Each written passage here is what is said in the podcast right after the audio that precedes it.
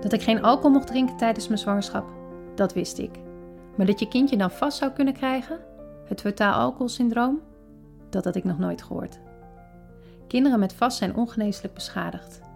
Velen belanden in de pleegzorg en kunnen waarschijnlijk nooit zonder hulp op eigen benen staan.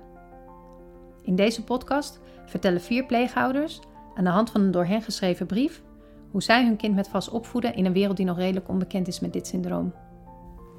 Ehm, zou jij je hele brief willen voorlezen? Ja, het is niet zo'n lange brief, maar. Uh... Lieve Lina, als ik eerder had geweten dat je vast had, dan had ik het allemaal anders gedaan. Dan was ik heel anders met de dingen omgegaan die niet zo goed gingen. Dan hadden we je heel anders behandeld. Niet als een kind zonder vas. Deze aflevering gaat over de diagnose. Ondanks het vaak opmerkelijke uiterlijk en gedrag van kinderen met VAS, gaat er nog een hele zoektocht aan de juiste diagnose vooraf. Hoe kan dat? En hoe is het om als kind te horen dat je hersens voor altijd beschadigd zijn? En hoe ga je daar als pleeghouder dan weer mee om? Je hoort het in de eerste aflevering van Daar sta je dan met je diagnose. Dus dat was schokkend. Gewoon, dat, dat, dat, dat, ja, die zagen we niet aankomen, terwijl je het eigenlijk, eigenlijk weet. Maar, ja, je wist, je gaat niet voor niks naar vastpolie. Nee, je wordt gewoon emotioneel van. Ja, ja, ja, ja. Ja, dat was echt schokkend. Ja. ja. Ja, ja, je wilt het niet. Je hoopt eigenlijk op een diagnose waar je wat aan kan doen. En hier kan je niks aan doen. Je wil het niet, maar je bent toch op zoek naar antwoorden. Stukje zekerheid. Dus wil je het weten en ook weer niet. Laten we bij het begin beginnen. Ja, ze kwam uh, uh, bij ons uh, uit het ziekenhuis. Ze is, in eerste instantie wisten we alleen dat ze drugsverslaafd geboren is. Wisten we nog niet van het alcohol. En daardoor moest ze ook afkicken in het ziekenhuis. Ze moest ook beademd worden en zonder voeding. Het is best heel, heel pittig voor haar geweest. En wij mochten ook niet bij haar. En dat, dat, dat was heel moeilijk, want je wilt natuurlijk gelijk voor haar zijn, maar dat mocht niet. Weet je wat eh, daar de reden van is geweest? Omdat eh, haar biologische ouders, eh, die waren nog wel af en toe in de buurt.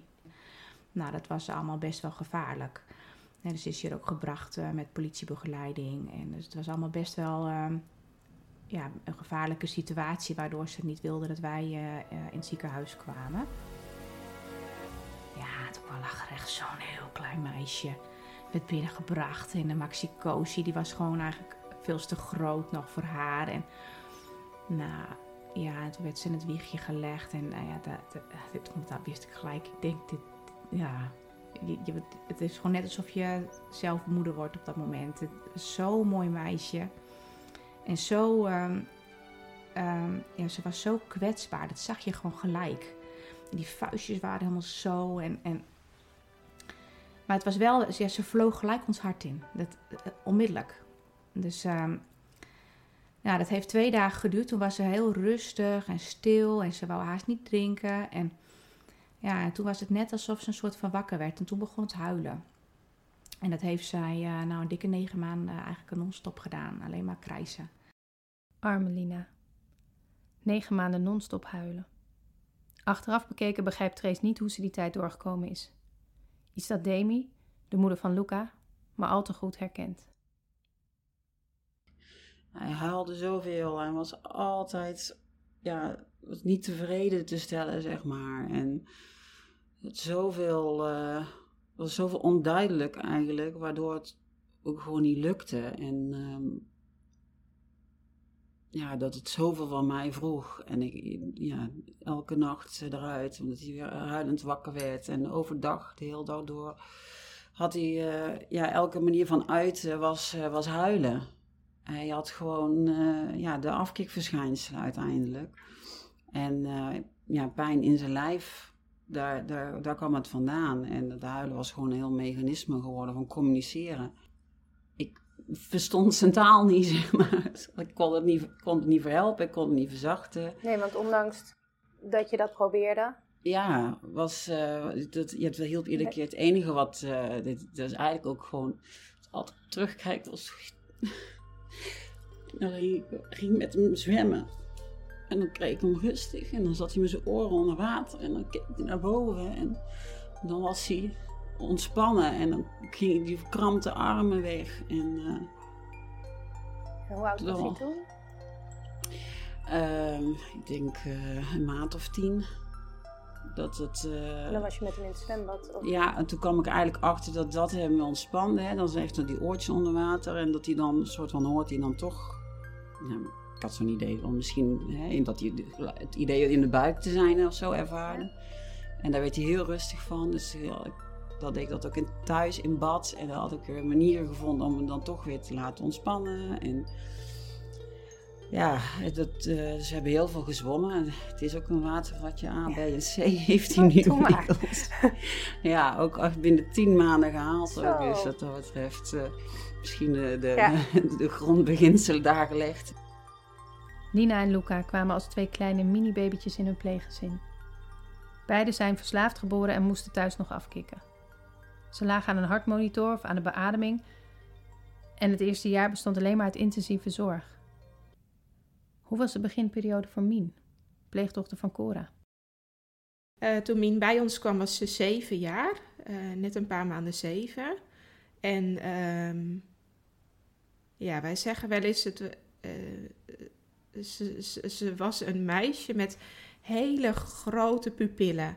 Echt als een soort hertje wat in koplampen keek. Zo was zij toen ze bij ons kwam. En en ze wilde heel graag heel lief gevonden worden. En ze was ook een echt dametje. Ze wilde graag mooie kleren aan. Dan was ze heel trots. En als ze schoenen had met die geluid maakten, nou dan liep ze helemaal trots met haar, met haar hakjes, zoals ze dan zei. Het was echt een meisje, meisje. Maar het was ook een enorm beschadigd meisje. Ehm, haar zusje was ook bij ons komen wonen. En uh, wij merkten ook, zij was een soort moeder. Ze was de moeder van haar zusje. En um, ja, ik denk dat zij een half jaar uh, bij ons woonde. En volgens de jeugdzorg waar, uh, ja, was ze wel iemand die op speciaal onderwijs zat. Maar zou ze op termijn, als ze meer veiligheid had, uh, zou ze wel naar gewoon onderwijs kunnen. Maar toen ze eenmaal een half jaar bij ons woonde, nou, wij dachten echt, hier worden wij knettergek van. Hoe moet je dit toch ooit vol gaan houden? En, wat merkte je? Wat, wat maakte je heel ongeremd gedrag. Zo ongeremd. En uh, het is natuurlijk heel lang geleden, dus ik kan niet een concreet mhm. voorbeeld geven, maar waar je andere kinderen kunt stoppen, was zij niet te stoppen.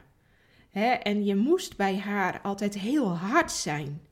Hè? Waar je andere kinderen met wat smeerolie dan tot ander gedrag kon krijgen, uh, ja, moesten we haar gewoon redelijk hard aanpakken. En niet fysiek hard aanpakken, maar wel heel hele duidelijke woorden gebruiken. En ja, dat, dat vonden we eigenlijk helemaal niet leuk om te doen, maar dat hielp wel. Het gaf haar wel heel veel duidelijkheid en zo konden we haar gedrag ook wel omturnen. En uh, nou, toen zei de pleegzorg van we gaan uh, naar de kinderpsychiater uh, van de pleegzorg. Nou, daar waren we geweest en nou, we hadden een hele lijst in moeten vullen. En die man zei, oh nou overduidelijk, klassiek geval ADHD. Mien krijgt medicatie tegen haar ongeremdheid. En ook als Cora allesbehalve overtuigd van de diagnose ADHD, moet ze toegeven dat Miens gedrag draaglijker is sinds de medicatie. Ook Luca krijgt een diagnose, een hechtingstoornis. En EMDR-therapie zorgt ervoor dat Luca niet meer hysterisch wordt als Demi uit het zicht is. Ze kan hem zelfs met een gerust hart uitzwaaien bij de opvang, zonder dat hij krijzend tegen het raam geplakt zit.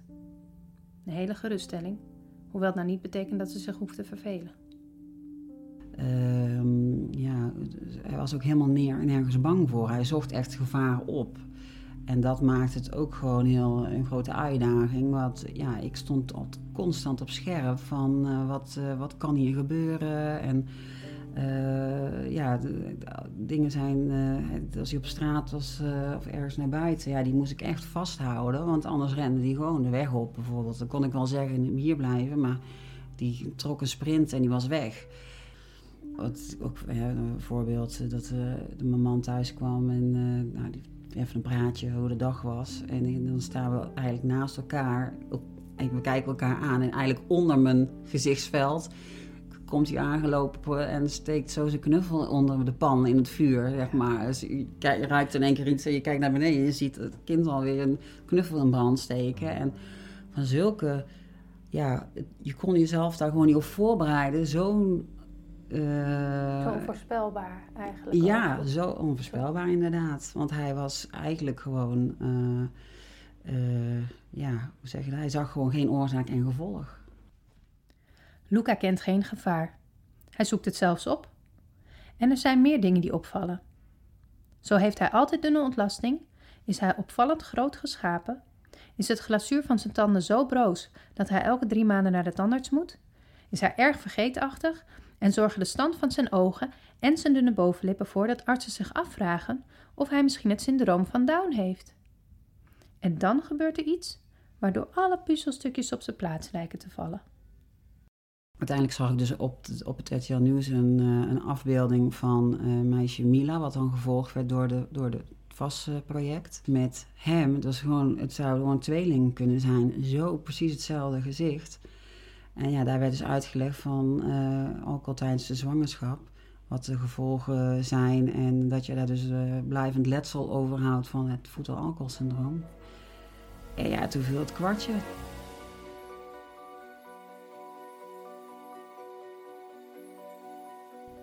Mien, pleegdochter van Cora, heeft geen fijne tijd op school.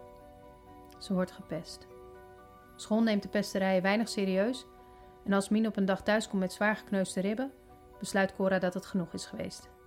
Het is tijd voor nieuwe school. Het was een heel klein schooltje en zo fijn en zij knapte daar zo op. En toen uh, was ik een keer zelf, hè, want ze ging altijd met een bus naar school. Toen was ik een keer zelf en uh, toen zei een ouder van... Uh, oh ja, ja wie, wie, wie zijn moeder ben je dan? Ja, ik ben Mien moeder en... oh, en is dat je eigen kindje? Nee, dat is mijn pleegkind. En toen zei ze, oh zij, ja. Oh ja, dat vind je dat ook zo lastig, dat vas. En ik, ik zeg, joh, ik weet helemaal niet wat vas is.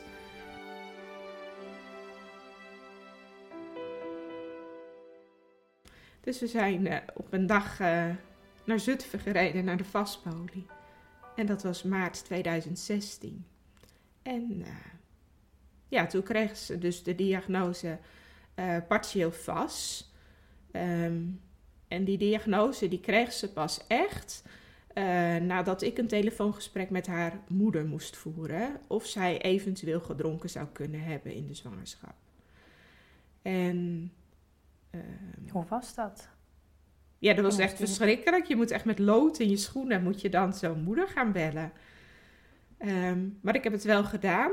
En um, ik heb aan haar uh, moeder gevraagd van, joh, ik ben door een andere ouder daarop gewezen. Ik ben op zo'n, of ik heb van tevoren gezegd, ik ga daar naartoe. Dus ik heb gezegd, ik ben op de vastpolie geweest en ja, dat, ze, dat zij echt wel een groot vermoeden heeft dat ze neurologische schade heeft als gevolg van alcohol. En of het zo kan zijn uh, dat zij gedronken heeft in de zwangerschap. Ja, maar ik drink nooit en ik ben geen alcoholist. Zeg, nee, dat heb ik ook niet gezegd. Hè. En ik geloof ook echt niet dat een moeder bewust gaat drinken als je weet dat je zwanger bent. En uh, ik zeg, maar het gaat er ook niet om dat wij jou uh, willen veroordelen of wat dan ook. Het gaat erom dat um, wij voor, voor een diagnose gaan, als die zou krijgen, omdat zij dan de juiste hulp kan krijgen. Hè? En ik zeg het gevolg is, als jij niet eerlijk bent, dat jouw kind waarschijnlijk nooit de juiste hulp gaat krijgen. Hè? En, en we vragen dit niet om jou te kunnen veroordelen. Hè? En ik zal er ook altijd alles aan doen uh, richting de meiden om, om dat vanuit jou te relativeren.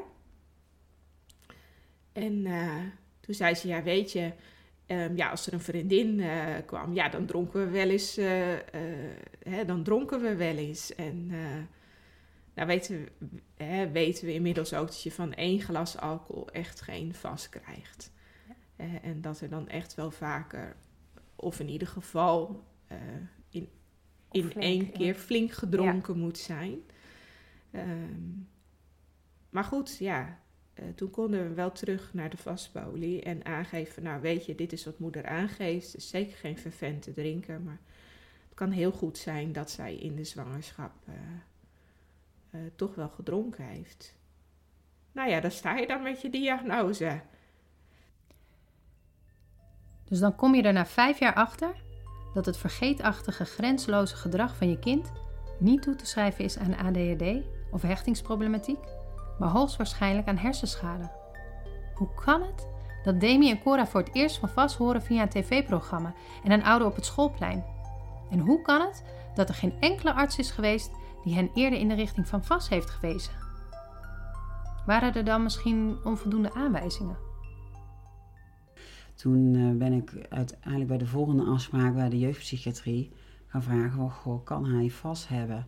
En ik had papieren teruggevonden van zijn ziekenhuisopname, waarin stond, hè, hij had echt uh, uh, heroïne, cocaïne was er gevonden, methadon dan, cannabis, maar ook in ethanol. In zijn lichaam. In zijn bloed. In dus zijn er was een bloed, bloedtest ja. na de geboorte gedaan en Ja. dat was allemaal aangetroffen.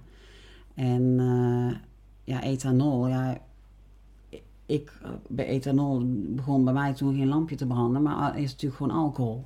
Dus daar was gewoon al eh, vanaf dag één al duidelijk alcohol in zijn bloed gevonden. Dus ja, vast had op dag één al kunnen worden gediagnosticeerd als er iemand wist eh, wat het was. Ah, wacht. Dus meer een kwestie van weten wat vast is. Toen ik eh, belde, was mijn pleegzorgwerker er niet. En toen kreeg ik de orthopedagoog aan de lijn. En toen zei ik van ja, we zijn naar een vastpolie geweest. En eh, ja, het, het blijkt eh, dat, eh, dat Mien vast heeft. En toen zei ze, nou, wat heb je daar nu aan om dat te weten? Het feit is, dat kind heeft gedragsproblemen. En die blijft ze gewoon houden. Vast of geen vast.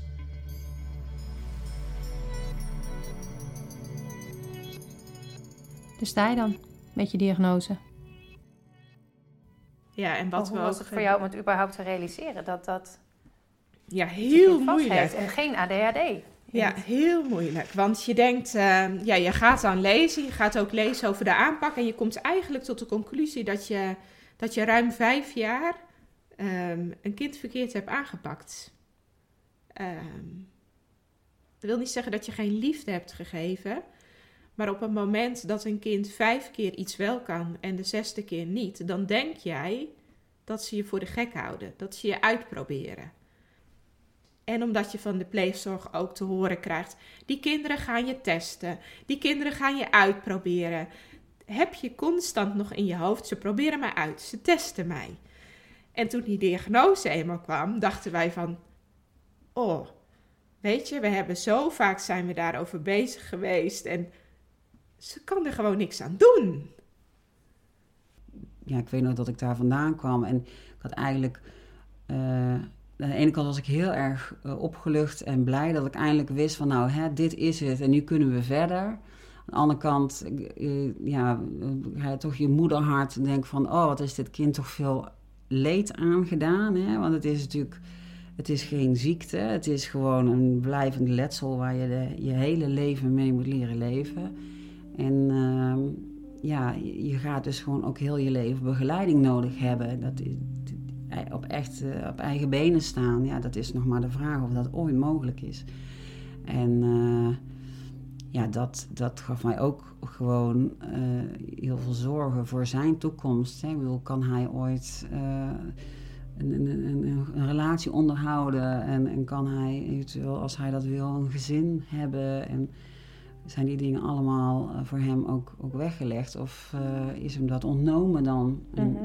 Ja, dat, eh, die, die ga je echt een soort tweestrijd naar huis. Plus ik had ook echt een soort worsteling met mezelf. Van, eh, ook heel veel ja, dingen die me frustreerden. En dat ik eh, al, al honderd keer iets uitgelegd had en het gewoon niet bleef hangen. Dus ik was echt elke dag bezig van, nou, wat ik vandaag geleerd heb, ik hoop dat hij het morgen nog weet.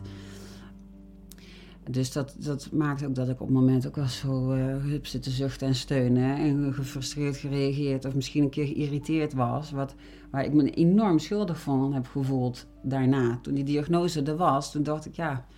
Ik had echt zo'n gevoel van alsof ik iemand die eh, eh, een dwarslesie had... verweet dat hij niet kon lopen, zeg maar eigenlijk. Dat gevoel bijna. Om, ja, daar moest ik echt wel door een stukje heen van... eh, voor mezelf om dat te accepteren dat ik er ook eigenlijk zelf niks aan kon doen, want ik wist het gewoon niet. Dan heb je als ouder zo je best gedaan. En dan voelt het alsnog alsof je gefaald hebt. Terwijl ze konden er echt niks aan doen. Ze wisten het niet. Zelfs artsen wisten het niet. En toch? Hoe geef je dat schuldgevoel een plekje?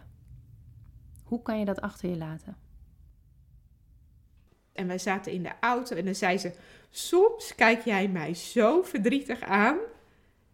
En ehm, toen zei ik tegen haar: Ja, dat komt. Als ik jou dan zie, dan moet ik vaak. Hè, dan ben je een hele mooie meid en je bent heel goed aan het ontwikkelen. En dan moet ik vaak terugdenken aan hoe het was toen wij nog niet wisten dat je vast had. Hè, en dat wij heel vaak ehm, jullie dan wel ergens voor op je kop gaven, wat heel normaal was bij andere kinderen, maar waar jullie eigenlijk niets aan konden doen. En dan voel ik me gewoon schuldig. En toen zei ze: Nou, mam, doe even normaal.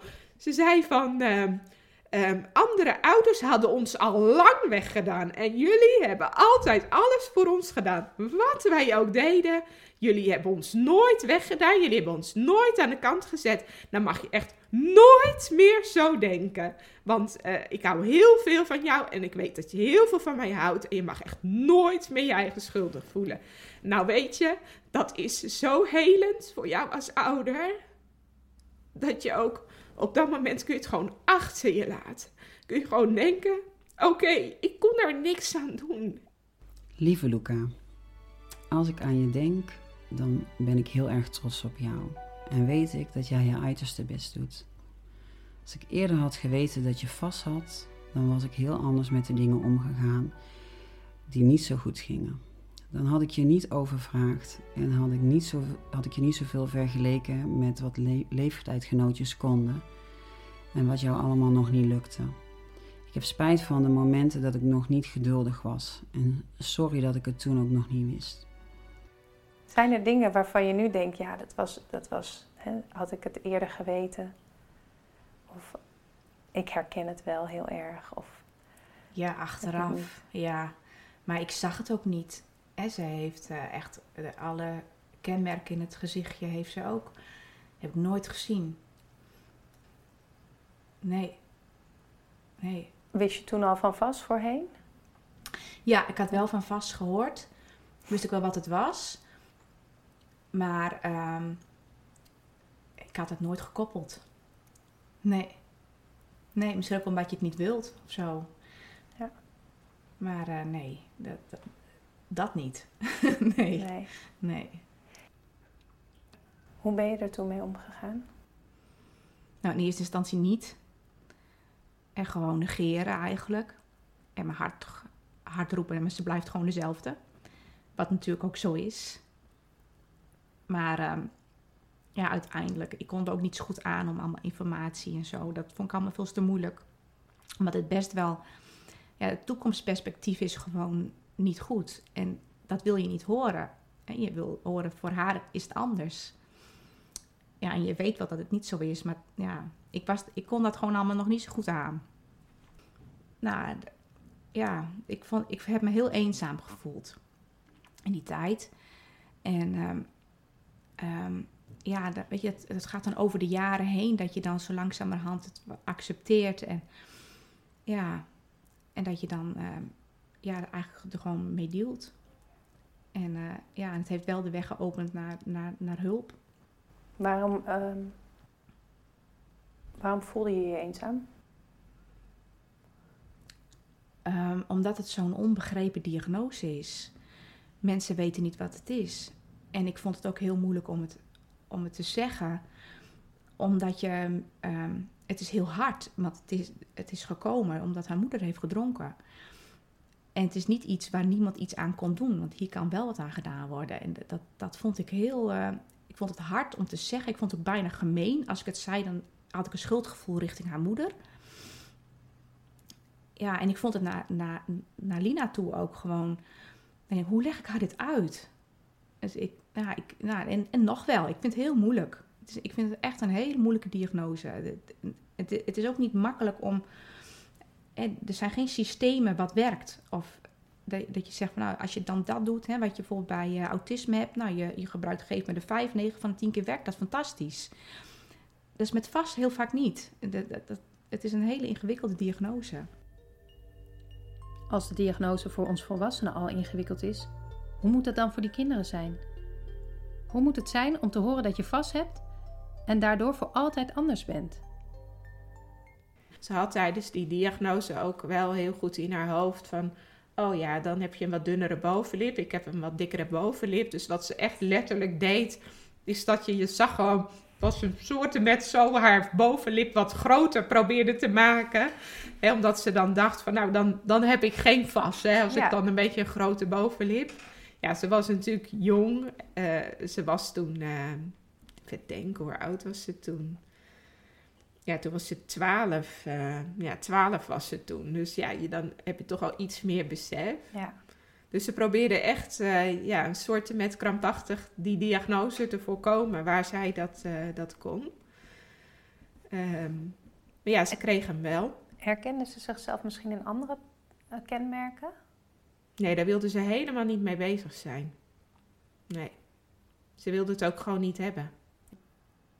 Lina heeft natuurlijk, was vrij jong natuurlijk nog toen, toen jullie die diagnose uit gingen zoeken en toen jullie naar de vastpolie gingen. Wat weet zij daarvan en wat hebben jullie haar meegegeven over haar diagnose? Nou, in eerste instantie niet zoveel, omdat ze dat ook niet begrijpt. Uh, nu eigenlijk sinds het laatste half jaar uh, uh, begint het besef een beetje te komen, ook dat ze anders is. En dat ze ja, dat ze bijvoorbeeld niet alleen op straat kan spelen en niet, niet met, uh, met vriendjes of vriendinnetjes uit de buurt uh, kan spelen. Heeft ze gewoon geen aansluiting bij. En op de zorgboerderij zijn natuurlijk ook heel veel kinderen uh, waar wat mee aan de hand is. En dus de laatste paar keren zegt ze wel eens: Ik heb was, zegt ze dan. maar echt beseffen wat het is, doet ze niet. En in hoeverre beseft hij zelf dat hij vast heeft? Um, nou, hij um, kan het steeds beter aangeven. Ook als hij dus zo'n time-out nodig heeft, dan kan, zegt hij ook steeds vaker van... ik had hier last van mijn vast. En uh, ook met uh, dingen uh, qua geheugen. we hadden afgelopen zomer een, een kaartspelletje jokeren. En nou, dat hadden we geleerd. En het was een superleuk spel. Maar ja, toen hij eenmaal klaar was met het spel, kwam ik echt naar me toe en zei hij... Mam, ik ben zo bang dat ik morgen de spelregels niet meer weet. En dat soort dingen, ja, dat... En dan ja. breekt je hart. Dan denk ik van, oh, jij bent zo bewust van, uh, van waar, waar, waar, waar, je zwakheden zijn dan eigenlijk. Ja. Het is ja. gewoon erg dat je daarmee uh, rond moet lopen in je hoofd dan, ja. Maar moeten we nu wel of niet blij zijn dat de diagnose vast uiteindelijk gesteld is? Ja, al die tijd, je kijkt, hè, als je geen diagnose hebt, komen er ook geen. Uh, ja, op het moment dat je die, die diagnose hebt, dan val je toch onder de, de ja, dus het gehandicaptenzorg mm. eigenlijk. Dus er komen de potjes vrij. Hè, dus uh, voor speciaal onderwijs, voor therapieën. Uh, eventueel uh, gespecialiseerde naschoolse opvang. Dat, uh, en ook voor als gezin om ontlast ja. te worden. Um, dat, uh, ja, dat hij een keer naar een logeerweekend kon. Dus daarmee werden heel veel dingen uh, anders ingericht. Ja. En um, ja, werd het voor, rondom hem veel beter geregeld. En ook voor ons werden we een stukje ontlast. En, Toen hij ja. eenmaal die diagnose officieel kreeg. Ja. En waar Demi bij het horen van de diagnose naast zorgen ook opluchting voelde, wilde Trace er helemaal niks van weten. Hoe denkt de pleegmoeder van Lina er nu over? En nu kan je ook gewoon weer kijken van wat heeft ze nodig. Dus um, ja, dat is, dat is echt dat, dat is, uh, nou, dat is de beste stap geweest tot nu toe. Welke stap precies? Dat ze in de WLZ is gekomen. Kun je nog even uitleggen wat dat is? Nou, de jeugdwet, uh, dat, dat, dat is eigenlijk uh, het, het voorliggende. Daar, Um, en dan krijg je vaak indicaties voor een bepaalde periode voor ondersteuning. En um, ja, als een kind um, ja, eigenlijk, eigenlijk, de rest van zijn leven uh, zorg nodig heeft eh, eh, zo- ja, vooral de nabije begeleiding eigenlijk, voor de rest van het leven, dan kan je dus WLZ aanvragen. En dan krijg je dus een indicatie die gewoon blijft gelden. Dus je hoeft niet Dat is die voortdurend... wet lang, langdurige zorg. Wet langdurige zorg, ja. Dus je bent gewoon verzekerd van ondersteuning. En dat heeft ontzettend veel rust gegeven. Voor zowel haar als voor ons. Dus daar, daar zijn we echt ontzettend blij mee dat we dat nu hebben. Dan hoef je eigenlijk niet meer de hele tijd te verdedigen waarom ze extra zorg nodig Ja. heeft. Precies. Het was ook een soort erkenning van ehm, ehm, wat, wij een, eh, of wat wij of wat zij nodig heeft, dat, dat mag er zijn. Hè? We hoeven dat niet voortdurend opnieuw aan te vragen en uit te leggen en bijna om te smeken van alsjeblieft mag ze een dag naar de zorgboerderij. En, en eh, ja, nu is dat er gewoon. Dus dat is niet meer een onzekere factor. Daar kunnen we gewoon op bouwen. Dat is er. Ja, en dat is eigenlijk wat, wat we nodig hadden om, om staande te blijven. En toen dat nog heel erg onzeker was, merkten we ook dat je, je, je, je, ja, je blijft bijna niet meer staan. Want de zorg voor haar is al best heel zwaar. En, en dan dat gedoe eromheen eigenlijk maakt het gewoon bijna niet meer houdbaar. We hebben echt, echt heel vaak op punt gestaan van ze kan hier zo niet, niet meer blijven. En wat is het gedoe eromheen? Eh, waar we heel veel last van hebben gehad is, is, eh, is de gemeente. Het, de jeugdwet, zeg maar. Want die is niet ingericht op, eh, op kinderen met VAS. Die is ingericht op kinderen met een bepaalde diagnose die beter worden. Dus ze zetten hulp in en eh, de thuissituatie is beter en de hulp kan of verminderen of gewoon helemaal niet meer. Maar een kind met VAS heeft gewoon altijd blijvend hulp nodig en het wordt eerder meer dan minder. En daar is de jeugdwet niet op ingericht. Dus dat gaf heel veel problemen. Dat, dat, dat we gewoon geen indicaties kregen of hele korte indicaties, altijd te weinig. Nou ja, dat, dat was gewoon niet meer een houdbare situatie eigenlijk. Nou, toen het één keer geregeld was, toen, eh, waren we echt wel heel blij hoor. Blij met de diagnose vast? Nee, dat natuurlijk niet. Maar wel dat er met de diagnose antwoord is gekomen op veel vragen waar deze pleegouders jaren mee rondgelopen hebben. Vragen waar menig arts en psychiater het antwoord schuldig moesten blijven. En daar ben ik echt van geschrokken. Want dat deze kinderen zich langzamer ontwikkelden, zich anders gedroegen, typerende uiterlijke kenmerken hadden en ouders met een verslavingsverleden, dat was allemaal bekend.